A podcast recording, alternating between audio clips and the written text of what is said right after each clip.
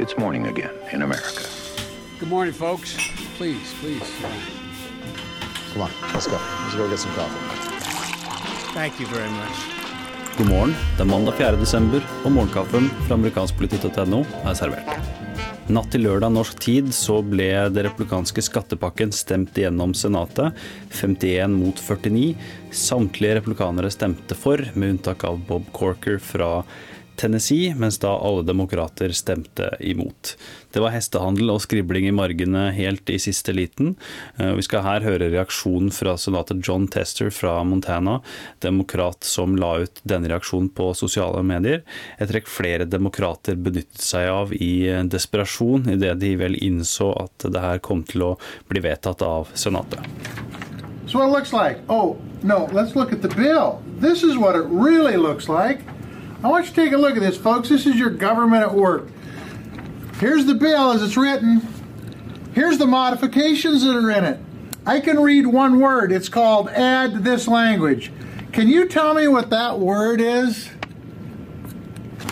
If you can, you got better eyes than me. This is unbelievable. We're doing massive tax reform on, a, on an absolute incredible timeline. This is going to affect everybody in this country.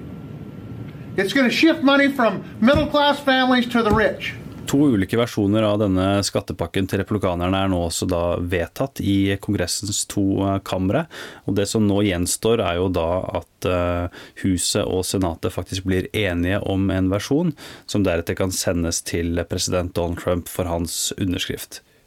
Republikanske medlemmer av huset vender tilbake til Washington i dag, en dag tidligere enn planlagt, og de skal jo nå i gang med denne prosessen med å komme til enighet med Senatet om en endelig skattepakke. Dette er jo da allerede nå en, eh, en stor seier for eh, president Donald Trump. Eh, det er få som tror at det her går noen annen vei enn at Trump får signert denne skattepakken før jul, og dermed levere den julegaven han lenge har snakket om.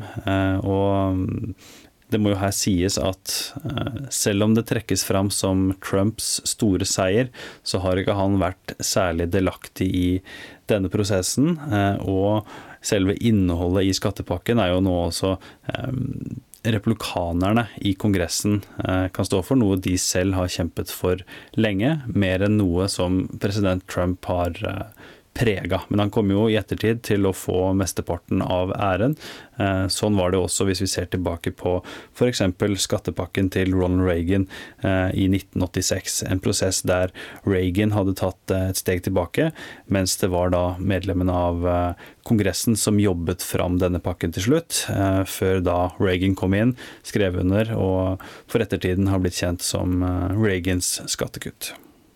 En sak som imidlertid har fått mer oppmerksomhet enn denne skattepakken, er jo at Trumps tidligere nasjonale sikkerhetsrådgiver Michael Flynn eh, erklærte seg skyldig i å løye til FBI på fredag. Og Det er jo da denne Russland-etterforskningen til spesialetterforsker Bob Mueller som ruller og går videre. Eh, og Nå har vi jo da her en person som ikke bare var delaktig i Trump-kampanjen, men også i starten av Trump-administrasjonen, som er direkte involvert i denne Russland-etterforskningen, og det sies nå at han samarbeider med Bob Mueller, noe som bør gjøre alle i Det hvite hus meget nervøse.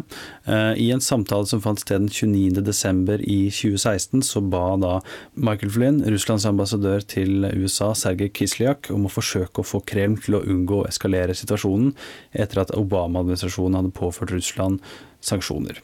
Eh, og Flynn løy også når han sa at han ikke hadde spurt Kislyak om å utsette eller nedkjempe en viktig avstemning i FNs sikkerhetsråd.